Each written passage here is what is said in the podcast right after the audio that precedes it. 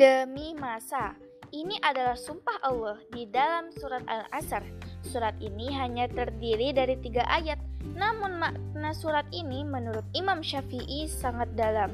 Jika saja Allah hanya menurutkan satu surat, maka surat ini cukup sudah cukup untuk memberi peringatan bagi manusia.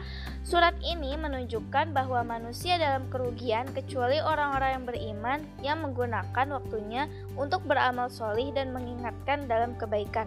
Allah bersumpah demi masa, yaitu demi waktu. Waktu adalah hal yang sangat penting. Orang Barat sering menghubungkan waktu dengan uang. Bagi mereka, setiap detik dan menit yang berlalu dapat dihitung dengan uang. Kehilangan waktu karena terjebak macet atau harus menunggu transportasi umum yang terlambat dapat membuat mereka merasa rugi. Teman-teman pernah lihat di negeri-negeri barat sana orang-orang berjalan cepat, semua selalu tepat waktu. Hal itu karena mereka sangat menghargai waktu. Bagi seorang muslim, waktu lebih berharga lagi. Waktu yang dipergunakan orang muslim untuk beribadah dan beramal solih, hitungannya tidak hanya berupa materi seperti uang, setiap ibadah dan amal perbuatan kita dihitung sebagai pahala. Pahala atau balasan dari Allah Subhanahu wa taala nilainya dapat berlipat-lipat. Allah menghitung setiap satu kebaikan diberikan pahala 10.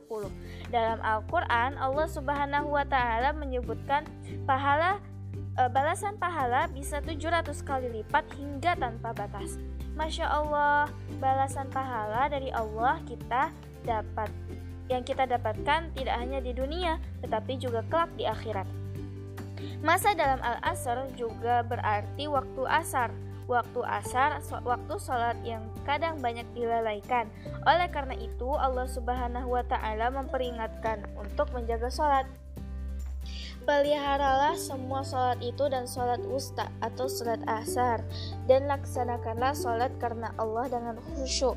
Quran Surah Al-Baqarah ayat 238 Waktu di, di dunia dan waktu di akhirat mereka tinggal di dalamnya sepanjang masa. Quran Surah An-Naba ayat 23 Kehidupan di akhirat adalah kekal, tidak ada kematian di akhirat. Di surat An-Naba ayat 23 menceritakan orang kafir yang tinggal di neraka selamanya.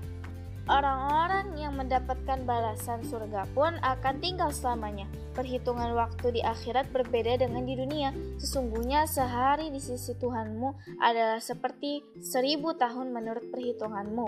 Quran Surah Al-Hajj ayat, ayat 47 kita sering merasa waktu menjadi lambat saat tengah mengaji. Berbeda jika kita tengah main. Waktu seperti cepat berlalu ya teman-teman. Padahal Rasulullah Shallallahu Alaihi Wasallam mengingatkan bahwa tanda baiknya seorang Muslim ia adalah meninggalkan perbuatan sia-sia fase kehidupan. Sungguh kamu menjalani tingkat demi tingkat dalam kehidupan. Quran Surah Al-Insyiqaq ayat 19 Manusia akan menjalani kehidupan fase demi fase atau tingkat demi tingkat. Fase adalah suatu waktu yang dijalankan manusia dari uh, dari di dalam kandungan, bayi, anak-anak, dewasa hingga tua, kemudian meninggal dan dibangkitkan kembali.